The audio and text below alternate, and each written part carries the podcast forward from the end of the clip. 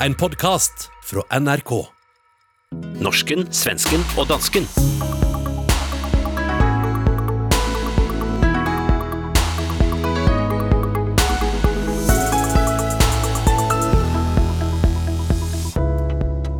Har kommune-Sverige gjeninnført hoffpoetene? Er det danske kongehuset blitt overjordiske? Og ukens store mediegladsak, norske NRK genåbner sitt Stockholmskontor.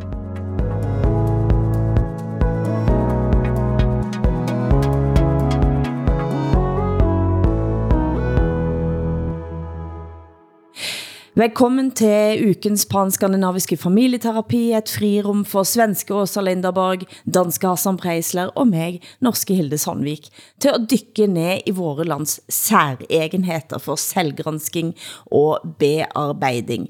Men Hassan, altså du har været i Sverige siden sidst. Nogen observationer? Uh, eh, ja, det kan du sige, at jeg har været. Jeg, jeg var øh, på den anden side af, af sundet, Øresund, med min familie på en lille tur til Helsingborg, øh, med en enkel overnatning på et hotel. Øh, og, øh, men altså, jeg, jeg betragter det jo egentlig ikke som, øh, som Sverige. Altså, det, øh, Helsingborg er jo altså i, i realiteten dansk. Ikke? Det er jo Helsingborg ligger, øh, man kunne sige, at, at Helsingborg ligger i de besatte områder, altså vores besatte vestbred, som er Skåne, Blekinge og Halland, øh, som jo faktisk er danske. Ikke? Äh, de, de har jo også et flag, som ligner det danske. Ja, men det är ju som jag betraktar Norge som svenskt. Så øh, jag kan förstå dina känslor här, eh, Hassan. Du skal til Jämtland i dag, og det betragter jeg som norsk. Ja, jag förstår det. Det är helt underbart med den här kuckenmöddingen som vi har ihop. Ja. Fantastiskt. Varför kan det bara göra ett enda land när vi ändå har hängt ihop Jo, men fast det skal vi snakke mer om til slut i sendingen, tror jeg. Men eh, vi fik reaktioner eh, fra forrige uke. Vi snakker om eh, de grusomme drapene i Kongsberg. Eh, og en lytter præciserede da, at Kongsberg blev grundlagt av Christian den 4., og at pengene fra sølvgruven vi snakker om gik til København.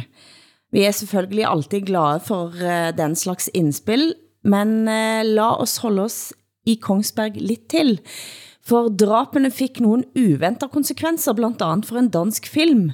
Og du var innom det sidst, Hassan, at du ikke længere kan dikte, fordi virkeligheden overgår alt. Det har nogle danske filmskapere fået mærke. Ja, det er rigtigt. Øh, altså i, øh, i Danmark øh, har vi produceret en film, som hedder Vilde Mænd. Den handler om en, en karakter, en figur, som flytter til Norge og forsøger at leve i pagt med naturen. Og det gør han så ved hjælp af en, hvad kan man sige, en pelsuniform og en bue og pile. Øh, og sådan vil han så leve i det fri, øh, i pagt med, med sine omgivelser. Men, øh, men man har nu i, i Danmark fra Nordisk Films side valgt at udskyde premieren for ikke at øh, komme til at træde nogle mennesker over tæerne. Altså øh, for eksempel de efterladte for, til de dræbte i Kongsberg. Og, og på den måde så fik det jo nogle altså uventede konsekvenser i Danmark, at, øh, at der skete det her frygtelige angreb. Men det er jo det er jo noget med den timingen, altså hvor mye betyr det om hændelser som det er i nærheden av noget, som man, man kan minde om i, i kulturen og kunsten. Hvorfor er det at vi hopper til den slags beslutninger? Jag skulle säga att det är av hänsyn till alla. Jag, jag tänker att det är av hänsyn till, eh, till eh, de som har förlorat någon i, i Kongsberg, eller hela det samhället. Det är också av hänsyn, tycker jag, till alla som medverkar i den här filmen. Därför att eh, man kan inte se den här filmen eh, i dess egen rätt, därför att man kommer bara att tänka på det här förfärliga dådet. Och är det, jag menar, är det en bra film så kommer den att ha ett, ett liv eh, om en stund också. Så att, eh, jag tycker det var ett riktigt beslut faktiskt. Ja, det, det tror jeg er helt rigtigt, det, det Åsa siger. Det, det er jo en komedie, den her film, af en art, øh, med blandt andre øh, Sofie Gråbøl øh, og Rasmus Bjerg. Men jeg, altså, du, du er inde på det lidt her, Åsa, at der er jo også nogle, hvad kan man sige, egoistiske motiver, øh, og dem vil jeg egentlig gerne forlænge, fordi jeg, jeg tror, at vi alle sammen i den her tid er mega bange for shitstorms. Ikke? Absolut, altså, det også. Vi, vi vil ikke gøre noget som helst, som kan risikere at sætte os selv eller vores institution øh, i, i en øh, position, hvor vi kan risikere at blive ramt af en af de her shitstorms, som jo kan ødelægge hele livet for os. Ikke? Så hellere, hellere trække det øh, for en sikkerheds skyld. Ikke? Men hvor, reagerer, hvor stærkt reagerer vi selv på dårlig timing? Husker der er episoder, som har kommet for tæt på? Hvad tænker du på kollektivt? Altså, jeg, jeg kan huske, mm. lige efter 9-11, der kom der en, øh, en Spider-Man-film, øh, hvor Spider-Man sidder på øh, Twin Towers. Ikke? Øh, og det, det gik jo ikke. Altså, det, det var for voldsomt, og jeg kan også huske, at jeg selv ligesom syntes, at den plakat var for brutal, og jeg havde endda øh, øh, Øh, altså øh, filmskaberne mistænkt for at udnytte, udnytte situationen og så videre, ikke? Men egentlig sådan privat, personligt, så vil jeg sige, at øh, selv når jeg har stået i ret alvorlige situationer i mit liv, så har jeg aldrig sådan oplevet, at det går for tæt på. Jeg synes tværtimod, det er interessant, og det kan endda være humoristisk, når det sådan øh, lapper ind over øh, den, den frygtelige begivenhed. Ikke? Det kan jo, jeg, måske er det en lidt grotesk tendens, jeg har, men jeg synes lidt, det, at humoren er udfriende i, altså midt i al brutaliteten. Ikke? Og derfor synes jeg nærmest ikke, vi kan være for hurtige med humoren. Altså. Mm-hmm. Absolut. Den store principielle debatten, som Kongsberg-drapene har sat i gang i Norge, er om tvang som virkemiddel i psykiatrien. Hvor langt skal man gå i frihetsberøve syke mennesker for at være trygge? Drapsmannen var jo åbenbart en meget syk mand, som nu blir utredet for om han var beregnelig. Og det er et klassisk dilemma som minder lidt om diskussionen man havde om våben i politiet. Og hvor står dere, Åsa? Först måste jag säga att jag blev så imponerad av Jonas Gahr Støre, eller norska regeringen, eller tillträdande här, som genast säger att vi ska se över psykiatrin, hur den fungerar. Och det fin att, man, att man som politiker säger att det kanske finns ett systemfel här. Det gör man inte i Sverige. Eh, för det, är ju, det är ju, skulle vara en ganska omfattande och kanske kostbar översyn som ni i Norge då ska göra. Eh, jag tycker att frågan om, om tvångsomhändertagning, det är svårt, men man har nedröstat psykiatrin i hela Norden eh, därför att man tycker att det kostar pengar. Och då är det väldigt många människor som behöver hjälp och som faller igenom. Eh, vi har också någon idé om eh, att eh, individen själv ska få bestämma i, i kanske högre utsträckning än, än vad som är bra för, för kollektivet. Samtidigt så vet vi från 70-talet att man eh, tvångsomhändertog människor som absolut inte skulle ha institutionaliserats. Så det här är ju svårt, eh, det är det, men jag är helt övertygad om att det är ett systemfel i, i, i vården av, av psykiskt sjuka människor i de senaste 20-30 åren. Som beror på dels individualiseringen, men sen också privatisering, eller det ska inte kosta någonting. Och släppa ut folk på gatorna bara vind för våg. Hvad, hvad tænker du som norsk, Hilde? Nej, jeg har tænkt selvfølgelig at stå frem på dette, fordi eh, åbenbart var dette en syk mand, eh, som havde bodd alene i sin lejlighed, da PST, som er PET i, i Danmark, og Sikkerhedspolitiet i Sverige, Just det. har jo, har jo fået flere advarsler om, om at uh, denne mannen bør, uh, bør følges op. Uh, han til synlaten har haft et liv, der han sitter hjemme, træner med slagvåpen ute i hagen, som en anden nabo har sett, går 200 meter på butikken og hjem igen. Uh, og han havde til og med uh, fået besøgsforbud hos sin egen familie, fordi han havde truet med våben. Eh, men så er det spørgsmål på andre siden igen, som Åsa er innom, at hvis svaret er at vi skal tvangsindlægge flere, så er det frygtelig vanskelig at vite, hvem er det som er i stand til at begå en så grusom handling, og hvem er det ikke. Og forudse for eksempel, hvem som vil ta sitt eget liv, og ikke vil ta sitt eget liv, forudse hvem som kan begå en sådan grusom handling, og hvem som ikke gør det. Ja. Det er veldig vanskelig, så det er uhyre let for samfundet at rope op og sige, at man skal bare tvangsindlægge flere. Helt klart. Jag tänker på 70-talet så hade vi ju så här väldigt starka patientorganisationer mm. eh, som ville riva alla mentalsjukhus som det hette på den tiden. Och det var ju liksom en vänstervåg att det, så skulle man göra. Och sen, i alla fall i Sverige, när allting ska privatiseras och ingenting ska kosta, så man hind, eh, hyllar individens frihet, då, då river man de här mentalsjukhusen. Ha, då har man den historiska liksom, patientgruppen i ryggen på något vis. Och resultatet är att väldigt många som behöver har farit illa. Det här, jag tror det är jättesvårt att säga vad som är rätt och fel och hur man ska göra. Men om, om det är så att en psykiatrivård består, beror på hur mycket pengar det finns, om man vill satsa på det här eller inte. Mm.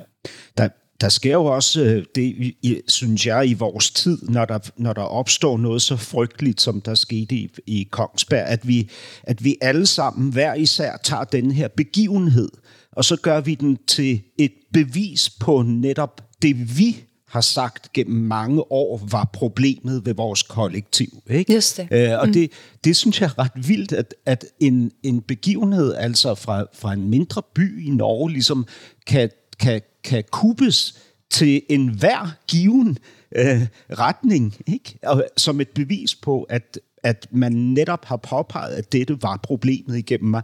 Og det er jo både antikapitalister, antisocialister, det er islamkritikere, det er ja, naturforagter. Hvem som helst kan tage den her begivenhed ikke? og gøre den til, til, til deres øh, bevisførelse. Ikke? Det synes jeg er, er ret exceptionelt at være vidne til.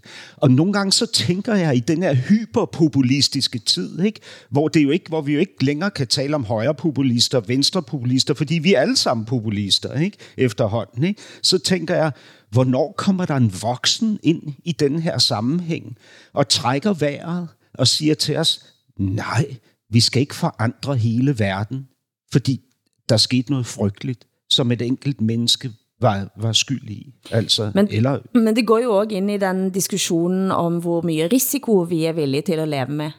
Ja. Det beror på vad man pratar om frisk här, men här, det, i grunden här så handlar det om en man som, eh, vad jag förstår, har sökt hjälp och inte har fått hjälp. Inte så? Mm, om man har sökt hjälp och inte fått? Eller, eller omgivningen, omgivningarna har sagt att här är det en person som faktiskt behöver hjälp.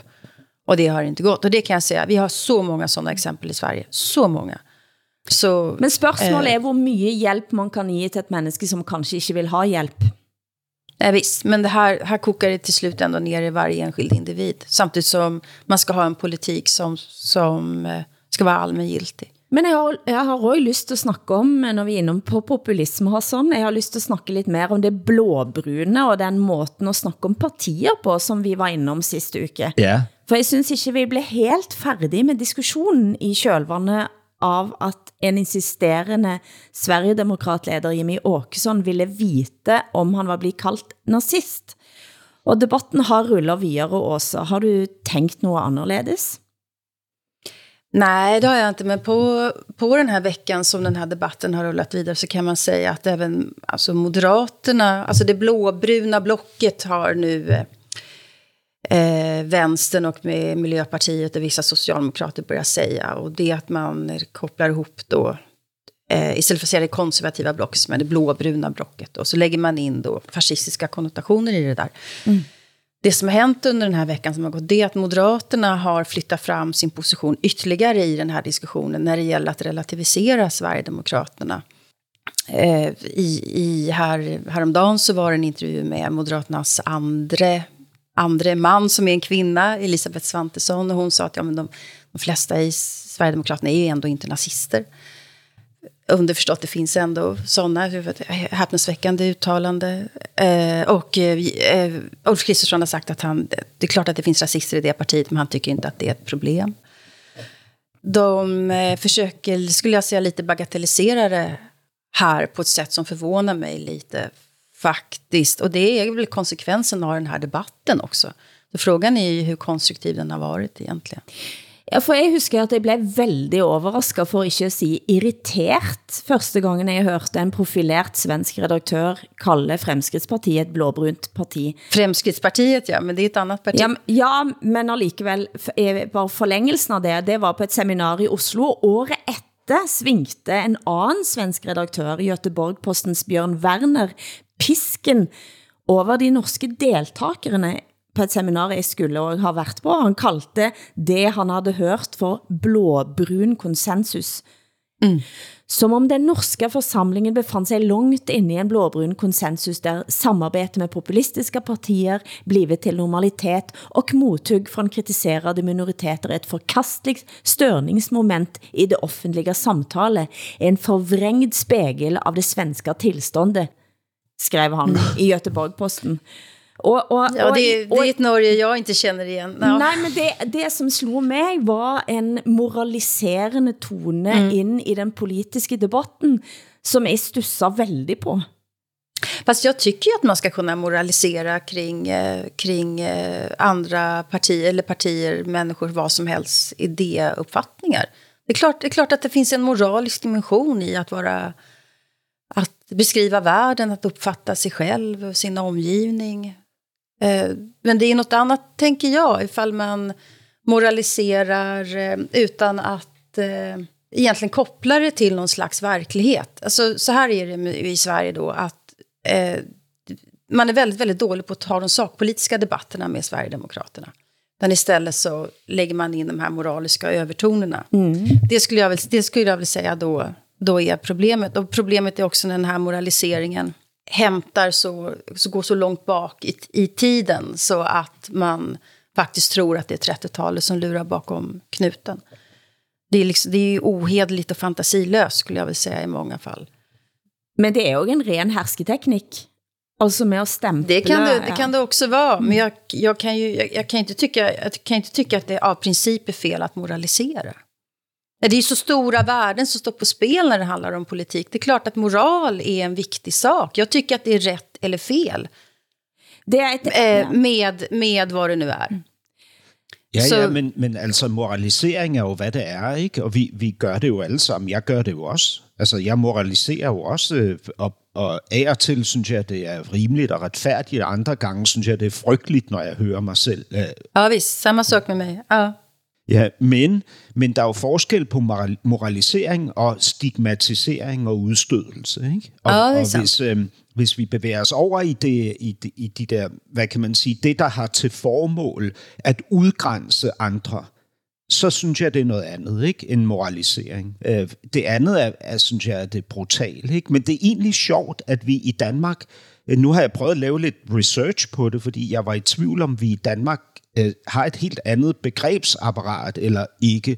Fordi vi bruger simpelthen ikke det med, med at nogen er brune eller blåbrune. Øh, jeg, kan, jeg kan ikke finde det nogen steder overhovedet, andet i i en, i en gammel artikel i Information, hvor det bliver beskrevet, at det konservative Folkeparti har to retninger, en rød og en brun retning. Mm. Og det, at man har den brune retning i det konservative Folkeparti, er ikke noget, man skammer sig over eller bliver fordømt på baggrund af. Nej. Så det är ju meget sjovt att vi inte bruger det ord på samma måde här. Men det finns en avgörande skillnad mellan Norge och Danmark och Sverige. Och det är att Sverige har aldrig varit inblandat i andra världskrig. Vi har aldrig varit ockuperade. Så för oss så betyder inte den här bruna färgen någon, alltså det, ni, har, ni har en historisk erfarenhet av någonting som vi inte har. Och det är därför som vi kan kan svänga oss med den där Men, eh, färgen mm. på ett sätt som ni aldrig skulle göra faktiskt. Eh, men med det sagt så är också Sverigedemokraterna ett parti. Ni har inte något liknande parti i Sverige. I Danmark och Norge menar du? Nej, jag ja. menar i Danmark. Ni, mm. alltså, ni har inget liknande parti i Norge och Danmark. Som, Sver som Sverigedemokraterna. Varför inte? Nej, därför att de är, de, är, de är faktiskt grundade av... Eh, de har nazistiska rötter, nynazistiska rötter. Ni har inga sådana partier i Norge och Danmark. Ja, inte i Danmark. Ja. Men Sverige har å andra sidan heller aldrig varit ockuperat som ni har varit. Så, så vi har helt olika historiska erfarenheter här. Mm. Det, Men det, det bliver jo for alvor interessant, når Sveriges demokraterne får, får lejlighed eller mulighed, eller finder modet til ligesom at, at have et uh, selvopgør. Ikke? Uh, det det mm. bliver jo et, et interessant punkt i den svenske politiske historie. Ikke? Fast de har lovat en så kallad vitbok nu i flera år. De har sagt att de ska låta en oberoende person skriva deras historia. Och den där boken kommer ju aldrig. De ser mm. att det ingen vill. Och det kan säga att det är många historiker som skulle vilja göra det. Norsken, svensken og dansken med Hilde Sandvik, Åsa Linderborg og Hassan Preisler.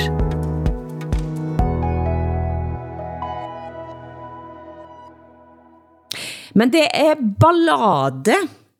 Og nu må du forklare, Hassan, hvad ballade er for svenske lyttere. Ballade er altså... Ballade øh, er et stykke... Ballade. Øh, ba- ballade er et stykke stille musik. Det är på svenska önske ballad. Det är, det är en, en finstämd eh, sång ofta på gitarr, skulle jag säga. Men det, men det er jo også en kontrovers, altså et, øh, en konflikt. Just det, det är brå, bråk och så Ja, i. ja, Ja, helt klart. okej. Og nu er det altså ballade mellem det danske kongehuset og partileder Pernille Vermund i Nye Borgerlige. Forklar, Hassan. Pernille Vermund har øh, kritiseret øh, kongehuset, som jo i dag efterhånden mest er repræsenteret ved, ved øh, kronprins Frederik og kronprinsesse Mary. Øh, fordi øh, øh, øh, dronning Margrethe er langsomt ved ligesom at trække sig tilbage fra alle sine poster, og, og dermed vel også sin position. Og det er jo så det unge par, som skal overtage øh, stafetten. Øh, øh, men Øh, Pernille Vermund, som er formand for partiet Nye Borgerlige, som er et, øh, et øh, højreorienteret parti, kritiserer øh, kronprinsparet for at have en meget mere politisk kurs, end vi nogensinde har oplevet tidligere. Og det er jo en øh, politisk kurs, som en, øh, nogle forskere har kaldt øh, øh, centrum-venstre orienteret kurs. Ikke? Og det er en kurs, som ligesom er, hvad kan man sige, klimaaktivistisk, den er også køns, øh, kønspolitisk øh, og så videre. Ikke? Altså, vi ser kronprinsesse Mary tale til øh, den, øh, den store Pride. Vi ser kronprinsparet uddele priser til aktivistiske kunstnere, for eksempel øh, musikere, som så bruger deres takketale tid på at komme med statements, som er rettet mod for eksempel Dansk Folkeparti, eller Nye Borgerlige, eller racismen i Danmark, eller sexismen i Danmark. Øh, Så, så det er ligesom den kritik, øh, Pernille Vermund har været ude med. Øh, Kronprins Frederik har så på den anden side svaret øh, på en lidt, øh, lidt besynderlig måde, synes jeg, at de her emner, som kronprinsparet beskæftiger sig med, er ikke politik, men noget overjordisk. Og jeg synes jo, det er virkelig interessant, hvornår, noget bliver ophøjet fra at være politik til at være noget overjordisk. Øh, og altså, hvad er det ligesom for nogle temaer, som udvikler sig ind i at være overjordiske fra at være politiske? Ikke? Fordi der er jo ingen tvivl om, at der er ting i dag, øh, som vi betragter som ja, som almen, ikke? som tidligere var marginale. Øh, det er jo spændende, synes jeg. Svenska kungen kritiseras ju med jämna mellanrum för att han, eh, han får inte prata politik överhuvudtaget. Så klima eller øh, kønspolitik? Nej, men, alltså, men det, då är det ju intressant då att kungen redan när han eh, tillträdde 1973 eh, bestämde sig för att hans profil skulle vara en miljöprofil. Han är, han är på riktigt besjälad av naturen. Och eh, idag, då var ju inte det en politisk fråga. Idag börjar det ju bli det faktiskt. Eh, han har uttalat sig nyss om eh, coronahanteringen i Sverige. Att han tycker att det är ett misslyckande. Det tror jag väldigt många skulle säga, men kungen ska inte säga det. Eh, men vad som hände igår eh, är något exceptionellt faktiskt. Det är att det svenska kungahuset har bestämt att kronprinsessans barn, alltså som står näst, på, näst, näst på tur i successionsordningen, att hon ska få gifta sig med vem hon vill vad gäller kön. Alltså om hon... Alltså, svenska monarkin har plötsligt infört samkönade äktenskap. Och det, det är ju väldigt modernt och progressivt och det strider ju egentligen helt mot kungahuset som är det. Eftersom det ska vara det blåa blodet som ska reproduceras. Kärnfamiljen, alltså kungahuset står ju för nationens värderingar. Och det, det har ju varit kristna värderingar, kärnfamilj, nationalism och så vidare. Eh, och nu plötsligt då så går man med på samkönade äktenskap. Det är ju en, det är en progressiv milstolpe, men det är också, det är också, också någonting väldigt spännande. Vad händer med ett kungahus som Om det er insemination. Dette overrasker ingen. Eh, Det burde ikke overraske nogen. Sverige vil jo være det største fyrtårnet i verden, når det gælder progressiv udvikling. Og nå betyder det, at det svenske kongehuset kommer en uke efter det hollandske. Og Er det, det kan jo ingen svensker leve med. Nej, vi blev slagna. Ej, jäklar. Øhm, ja, Sverige som den anden mest progressive nation. Det, det er interessant det er for svenskernes selvforståelse. Nej, jag är, he- jag är helt omskakad faktiskt. Men det, det må vel også være et hvert kongehus øh, største dilemma, og om kongehuset skal være øh, øh, kulturbevarende, eller om kongehuset skal, øh, skal fø- følge tidsånden, ikke? For, for overhovedet at have en legitimitet. Ikke? Det er jo, Men svens, uh, svenska kungen han har ju som, som uh, ordspråk, eller valspråk, maxim, att för Sverige i tiden. Och det handlar väl om att försöka vara en modern kung då. Men det, det är en otrolig balansgång där att, att eh, bevara de gamla traditionerna. För det är därför många tycker att vi ska ha ett kungahus. Men jag undrar, Hilde, i Norge då? Hur kungahuset där? eh, Nej, men altså, det, ja, Plad, pladdrar de politik eller? Nej, men det snik sig jo ind politik eh, likevel. Blandt andet så fik eh, kongen ganske mye positiv tilbakemelding, da han eh, snakket om eh, jenter som elsker jenter og gutter som elsker gutter i en tale eh, for nogle år siden. Jaha. Og, og de har gått, eh, gått bort ifra eh, denne kære nordmænd på nyttårsaften, sant? Kære alle snakker man om nå. Eh, så man er jo også i tiden med at skru til, og det ser en jo særlig folk ifra kanskje konservativ ti- side, som, som reagerer på, når kongen skal være for mye i tiden. Ja, for, for mange år siden fik jeg en uh, pin af kronprinsesse Mary, altså sådan en nål, hun satte på mit tøj, uh, som var en, en, ja, en anerkendelse af mit, uh, mit arbejde. Wow. Men det var faktisk ikke mit arbejde som kunstner. Det var mit aktivistiske, politiske arbejde fra dengang jeg var i det identitetspolitiske land. Ikke? Jeg slogs ligesom for, øh, hvad kan man sige, øh, jeg, jeg var jo øh, antiracist og, og så videre dengang. Jag hoppas att du fortfarande är faktiskt Hassan. Att antirasist hoppas jag väl ändå. Jo, jo, men du ved, jeg var, jeg var politisk aktivist øh, i det identitetspolitiske felt. Ikke? Øh, Jo, ja, ja. Men kronprinsesse Mary var netop kommet til, øh, til Danmark på det tidspunkt. Øh, og jeg tror faktisk, at det var en fejl fra det danske kongehus side, at hun stod der og uddelte de der pins til de her meget aktivistiske kunstnere på det tidspunkt. Ikke? I dag ville hun sagtens kunne gøre det, men på den tid, der øh, tror jeg, at kongehuset priste sig lykkelige for, at de ikke blev opdaget og øh, kritiseret for det her. Men ni tog, du tog ju ändå emot den där eh, pinnen, den nålen. Vi har ju exempel i Sverige på röda skådespelare till exempel som har fått medalj av kungen. En, en av dem älskar jag allra, allra mest, Sven Wollter, han är tyvärr död nu. Han tog emot den där medaljen og sen grävde han ner den i protest. det, Ja. det, Ja, men altså, Det jo- hvis, nogen en dag giver, giver mig no- Nobelprisen i litteratur, så, så, så øh, nægter jeg at tage imod Ja, du den i, det, prot- ja. i protest. Ligesom Sartre gjorde. Ja. Hassan Preisler og Sartre. nej, gud. Men det er ikke den eneste moralpolitiske debatten i Danmark om dagen, for hvordan skal kronprinsparet og resten av det officielle Danmark forholde sig til VM i Katar, nå som Danmark har kvalificeret sig? Mette Fredriksen sa like efter Danmark blev klar for VM, at fotboll og politik ikke har noget med hinanden at gøre. Hennes kulturminister Anne Halstrø Jørgensen tog også det danske fotballlandslaget i forsvar, da hun deltog i åben samråd på Folketinget forrige uke. Jeg er fuldstændig enig i, at vores atleter ikke skal tages som gisler i et eller andet udenrigspolitisk spil. De skal heller ikke øh, kunne navigere i et udenrigspolitisk spil. Øh, og derfor skal vi heller ikke føre udenrigspolitik med vores landshold. Selvfølgelig skal vores landshold til VM. Jeg håber, de vinder hele butikken. Øh, jeg synes, de er et fremragende landshold, og det, det tror jeg, de har en chance for. Skal våre fineste repræsentanter være Katars nytte idioter, spørger kulturkommentator i Berlingske Anna Sofia Hermansen.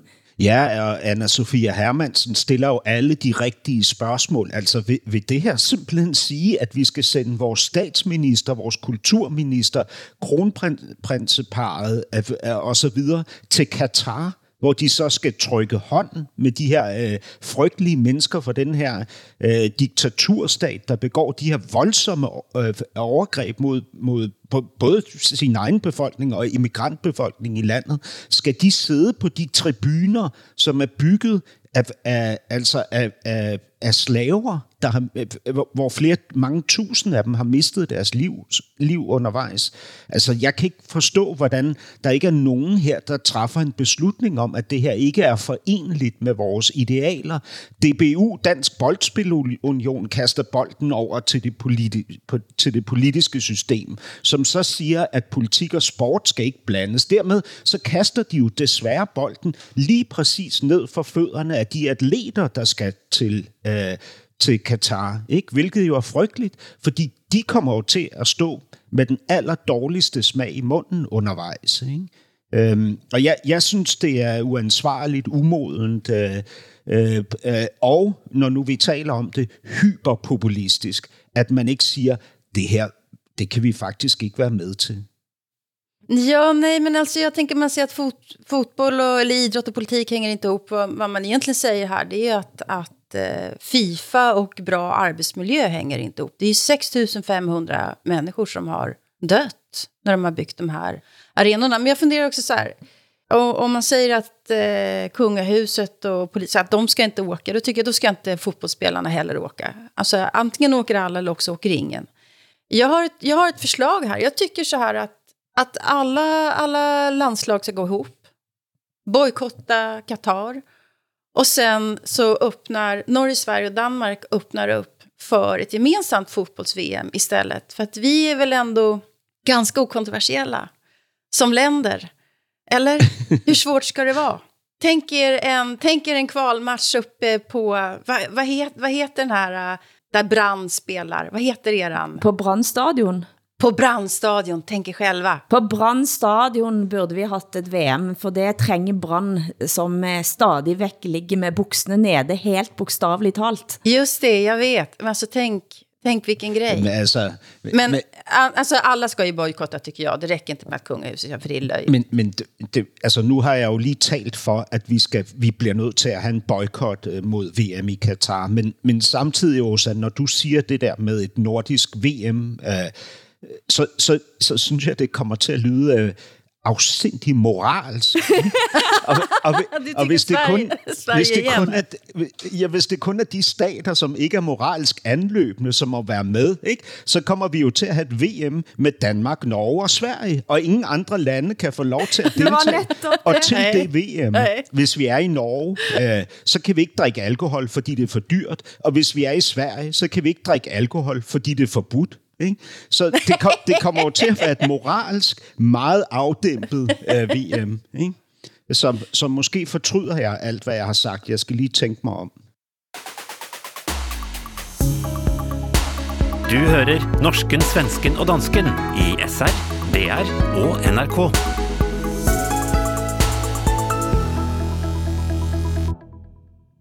En offentlig anskaffelse har sat fart på den svenske debatten. Efter at det blev kendt denne uken, var kommunen Tranemoen og har brugt skattebetalernes penger på, har ikke reaktionerne latt vente på sig. Hør her fra Ekot. Tranemo kommun har anställt en egen kommunpoet. Den nyanställde diktaren Jimmy Alm har fått jobbet att på arbetstid, en gång i veckan, skriva en dikt om någon eller något från kommunen. De jag har mött här i Tranemo kommun har varit eh, positiva och när jag hör av mig till någon och frågar om de vill bli diktade så har det varit väldigt fin respons. Jag kommer skriva dikter om företag, människor, verksamheter, sjöar, infrastruktur. Allt kan bli en dikt helt enkelt. Jimmy Alm kommer att vara anställd för projektet under ett års tid. Men det är inte alla som varit helt positiva till projektet. Främst har kritiken handlat om att projektet finansieras genom skattepengar. Jag förstår det. Konst och kultur brukar väcka reaktioner och det här är dessutom en typ av projekt som inte genomförts tidigare. Och det är väl jättebra att uh, vi diskuterar hur skattepengarna ska användas. Isak Krona, Ekot. Og så hvordan er denne nyheten taget imot i Sverige? Nej, men det är ju naturligtvis eh, ja, moral, indignation. Eh, man ställer då den här kulturen mot äldrevården på så här väldigt tröttsamt sätt. Först så tänkte jag bara, åh, åh, åh nej, det här är ju det här är ju inte klokt, tänkte jag. Sen tänkte jag till lite. Eh, hur mycket pengar lägger inte kommunerna på PR-konsulter och kommunikatörer som inte gör ett jävla vettigt skit? All kultur i Sverige är finansierad med skattemedel. Så varför kan man inte sätta en poet på att göra det här då?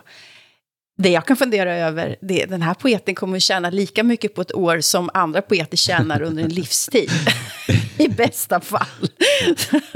Så det är ju ganska bra betalt. Men jag kan inte vara upprörd. Altså, jeg kan jo, øh, nu, nu er det måske meget passende, at jeg øh, indskyder, hvad det er, vi bruger ordet brunt, eller brun om i Danmark. Mm. Vi bruger det om, om bar, altså øh, kroer. Brune barer, Ja, brun, en brun bar, ikke? Og så bruger Hva? vi det om noget... Vadå, nej, ta, vadå, vadå, vadå? Altså, o- En brun bar? ja, det er sådan en klassisk, traditionel pop, ikke? I Danmark. Aha, Den, det hedder en brun okay. bar, ikke? Jaså, okej. Og, så, og så bruger vi ordet brun om noget, der er kommunalt. Ja, kommunebrunt. Ikke?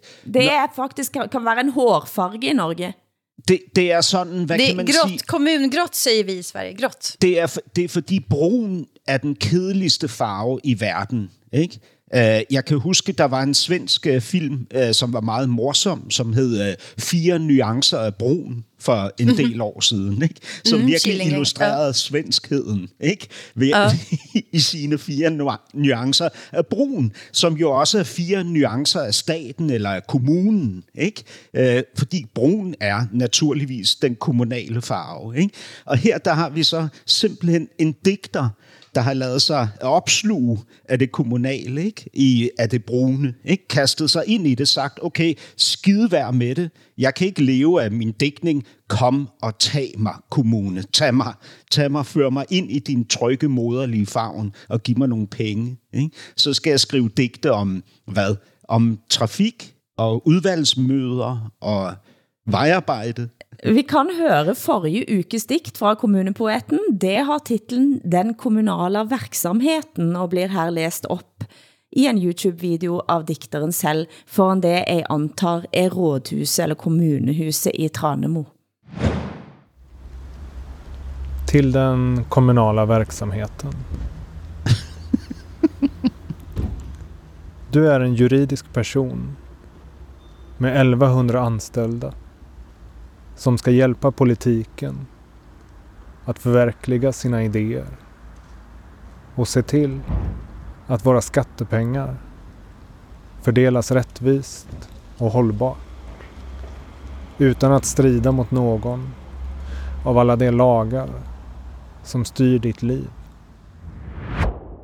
Dette er jo hoffpoetens genkomst. Tycker det var skitbra tycker jag. Men det er jo utrolig let at gøre narr av, og jeg, ja. så let at jeg beundrer motet det har taget at bestille og skrive og fremføre disse diktene. Ja, Jeg får, jeg får lidt sansen for den, känner jeg. Men jag fick veta mycket. Alltså 1100 anställda, vad är deras uppgift? Eh, Det är att hjälpa politikerna. Eh, Det är att se till att, att lagarna eh, implementeras och så vidare. Jag tyckte det var makalöst att beskriva det uppdraget faktiskt. Kommunala uppdraget.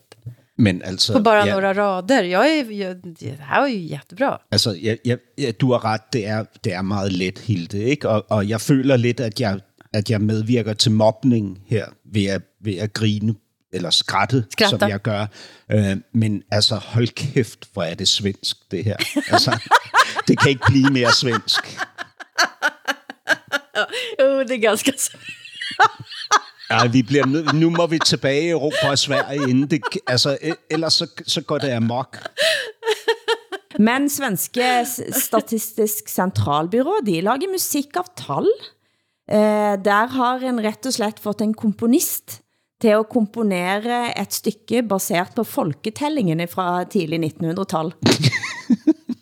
Alltså, men fatta, fatta så helt otroligt, tycker jag, att en myndighet låter konstnärer tolka eh, siffror. Jag tycker att det är, det är så befriande och så fantasifullt och så generöst. Och jag tänker, om vi hade hittat ett sånt här dokument på 50-talet så hade vi tänkt, om de som levde på 50-talet, wow! Jeg er misunnelig. Ah, gud vad, vad kreativt. Det är bara vi förbannade på det för att det är nu, i, i vår nutid. Om 30 år så kommer vi ha stolta över att, att Statistiska centralbyrån lät tonsätta de här siffrorna som berättar om vad Sverige är för någonting. Det, Jag, jag älskar det här. Jag. har hørt stykket, og det er vakkert. Men, men altså, før, vi går, før Hassan tar dette helt ut, eh, så må vi over på næste tema, som er mobbing. Det är det, det det Hassan och Hilde har hållit på med här nu. I tio minuter har ni mobbat Sverige och svensk kultur, svenska myndigheter, Tranemo. Bara fortsätt bara, fortsätt. Nej, nå, nå kommer selv, selvkritikken, selvkritikken, Hassan. Kan ni be om ursäkt nu? I sin nye selvbiografi Fri undskylder den tidlige danske elitesvømmeren Jeanette Ottesen for at have været med og mobba svømmekollega Lotte Friis, da de begge var aktive toppidrætsutøvere. Den undskyldningen har ikke Friis mye til overs for Hassan. Hvorfor ikke? Altså, ja, undskyldningen kommer jo i en bog, som Janette Ottesen har skrevet om sit øh, liv som øh, professionel svømmer øh, som professionel atlet. Altså en bog, der ligesom øh, skildrer øh, hele det, den eksistens, det er at, at være idrætsperson øh, på det niveau. Øhm, og, og i den er der så også en, øh, en fortælling om, hvordan øh, hendes kollega blev øh, mobbet, og hvordan hun bidrog til den mobning, og at hun gerne vil undskylde for øh, mobningen. Ikke? Øh, men, men det er jo selvfølgelig naturligvis et problem, at, øh, at, at hendes øh, svømmekollega skal læse, øh, eller øh, som hun selv siger, at hun nu skal opleve det en gang til, ikke kun øh, for sig selv, men også for sin fremtid. Det vil sige, at hendes børn kan nu genopleve den mobning i fremtiden, når de øh, øh, beslutter sig for en dag at købe en bog, der øh, blandt andet omhandler deres mor. Ikke? Og derfor så øh, har det nu været det store tema i Danmark øh, i løbet af den sidste uge. Kan man ligesom øh, undskylde for mobning på den her måde, eller kommer man blot til at forlænge øh, mobningen ind i nutiden og endda ind i den fremtid for nogle børn, der ikke er født endnu, for eksempel. Ikke? Det har været en intens snak, og der er mange øh, mennesker, der også er fremme. Nu kan man jo se alle mobbeeksperterne. De sidder jo øh, og, og sidrer i deres stole for at komme til, ikke? Øh, og fortælle om mobningens konsekvenser, historie og, og så videre, ikke? Fordi nu er der jo også en masse jobs at hente for dem ikke derude. Men, men det, gør, det, det, det er jo nødvendigt, og det er virkelig interessant, at det her kommer frem. Ikke? Det er det bare, altså så absolut. Og det får os jo alle sammen til at tænke over vores egen andel i mobningen. Altså både som ofre og som krænker. Mm. Fordi vi har jo alle sammen en andel i det her. Ikke? Ja, da, mobbesen, da mobberen Ottesen var gæst i God Aften Live denne uken, så blev jeg konfronteret med Lotte Fris reaktion på det, som står om henne i selvbiografien. Jeanette, tidligere i dag spurgte vi rent faktisk Lotte Fri, som hun ikke ville komme herind også. Det havde hun ikke lyst til, men hun vil gerne dele nogle af de tanker, som hun har omkring øh, de uddrag af bogen, hun også har læst. Du kan lige prøve at se, hvad hun øh, siger her. Jeg er uforstående overfor, hvorfor at min historie skal fortælles, uden at jeg har accepteret det, eller kommet med input til det. Det, som også kommer rigtig meget på, det er, at den her historie vil for, for altid ligge på nettet, så min, mine kommende børn og, og alle andre for altid vil kunne læse om, om mobbeofferet Lotte. Jeg kunne rigtig godt tænke mig at vide helt bundærligt, hvordan hun har oplevet det, fordi jeg oplevede det helt forfærdeligt. Og jeg fortryder rigtig meget af de ting, der skete dengang. Hvorfor er det så skammeligt at blive fremstillet som mobbeoffer, tænker dere? Jamen, det illustrerer jo en form for, hvad kan man sige, i, i vores fordomme illustrerer det en form for svaghed. Ikke? Men jag tänker om man vill be om ursäkt för att man har mobbat någon och gör det via en bok, så tänker jag nog att man först måste komma med den där ursäkten privat. Ja, och det, det gjorde hon. Annars, annars, så blir det, annars blir det liksom lite effektsøkeri, eller hvad skal jeg sige. Altså, hun gjorde det umiddelbart før udgivelsen af bogen. Der gav hun en, en personlig undskyldning, Altså det gjorde hun? Ja, ja, okay. Men hun, altså det, de, de kapitler, eller det kapitel, som omhandler mobningen, Mm. blev ikke udleveret. Så der har ikke været nogen Okay. mulighed for ligesom at kommentere, eller have indsigelser, eller veto i forhold til det, der stod. Ikke? Så, så det kom meget bag på hende, at det, at det var så detaljeret skildret, øh, den mobning, der var foregået. Ikke? Mm. Ja. Jeg forstår det godt. Jeg vil også... øh, Jeg, jeg, jeg, jeg kunne godt have udgivet den bog, øh, men jeg vil også have hadet at være den, der blev illustreret som offer i en andens bog. Ikke? Mm. Samtidig så synes jeg, at det, altså det interessante ved det her er jo, at vi for altid slæber vores erfaringer fra skolegården med os ind i vores øh, liv. Ikke? Altså, mm. vi, vi, vi vil jo altid på en eller anden måde placere os i forhold til andre mennesker, sådan som vi var placeret i den fucking skolegård ikke? i vores barndom. Det er så vildt, hvilke tråde det trækker. Ikke? Er det så. Ja.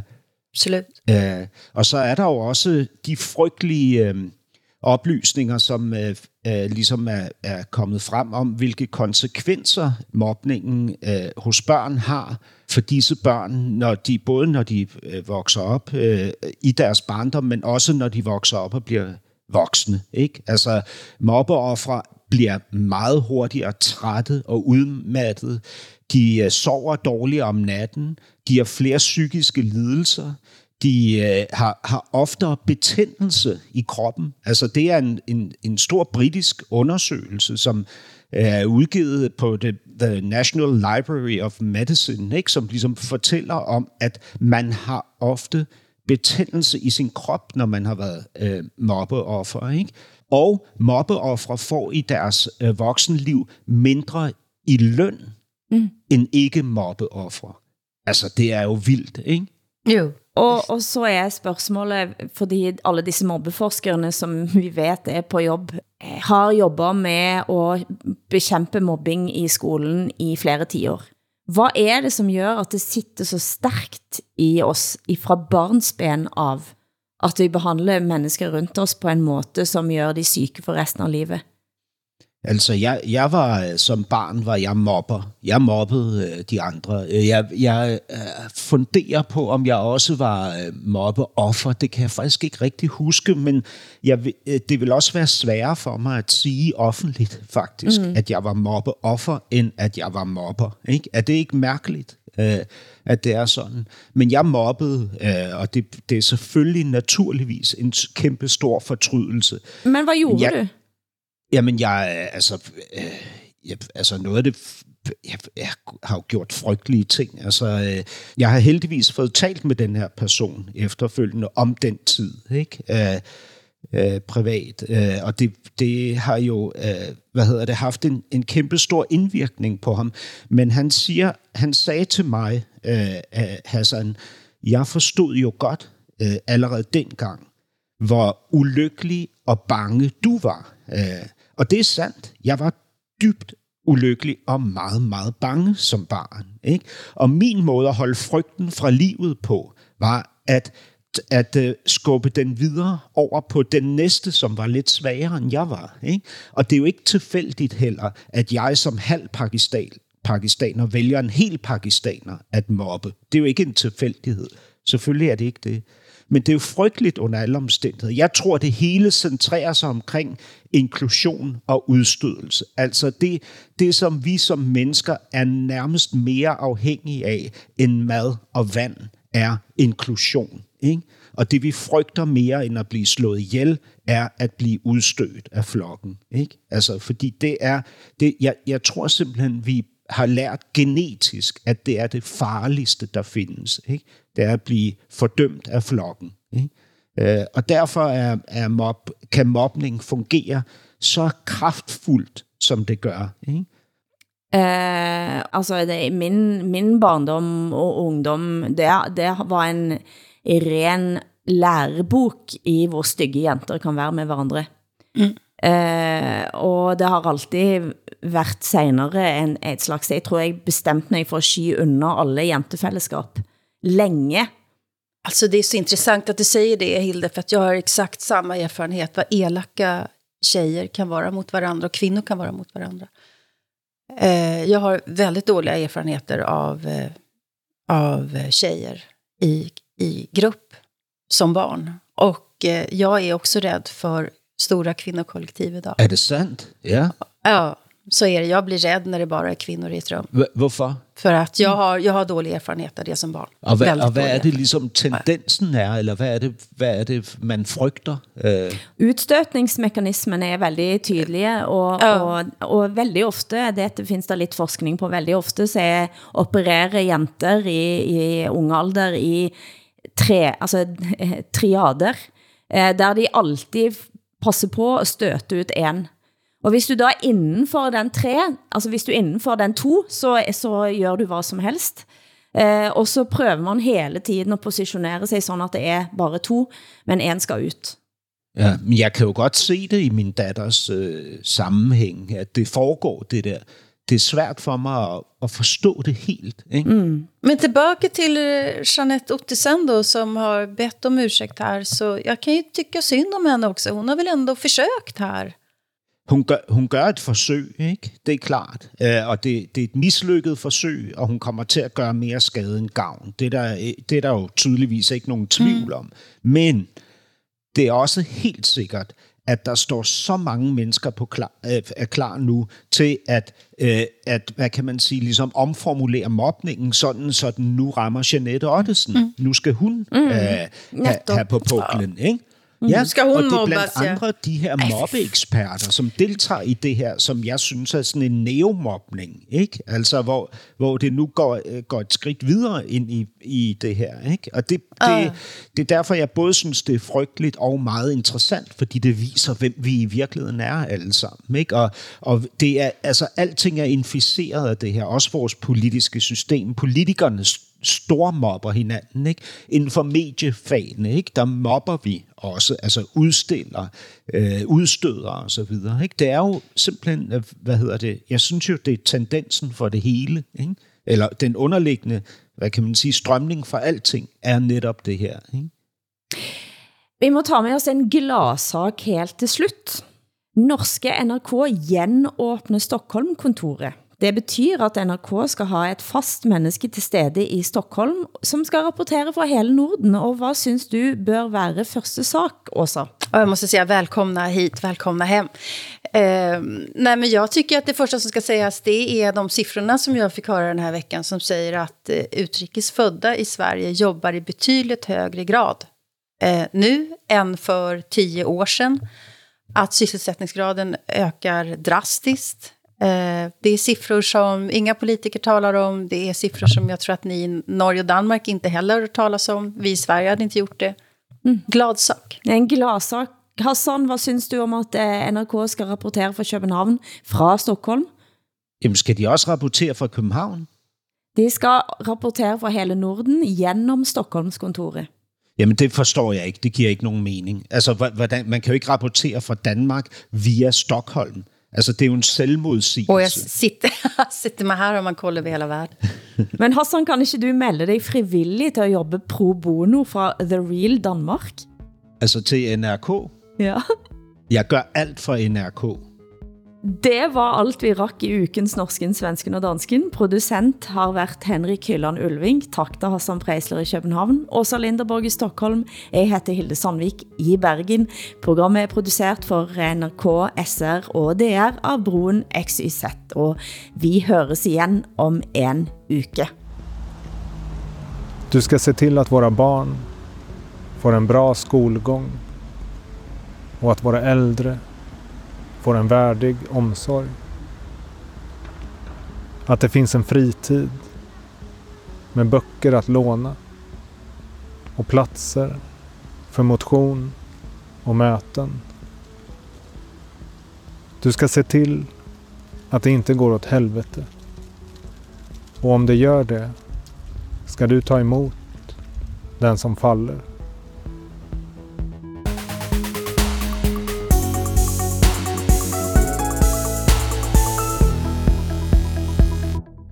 Du har hørt en podcast fra NRK. Hør flere podkaster og din favorittkanal i appen NRK Radio.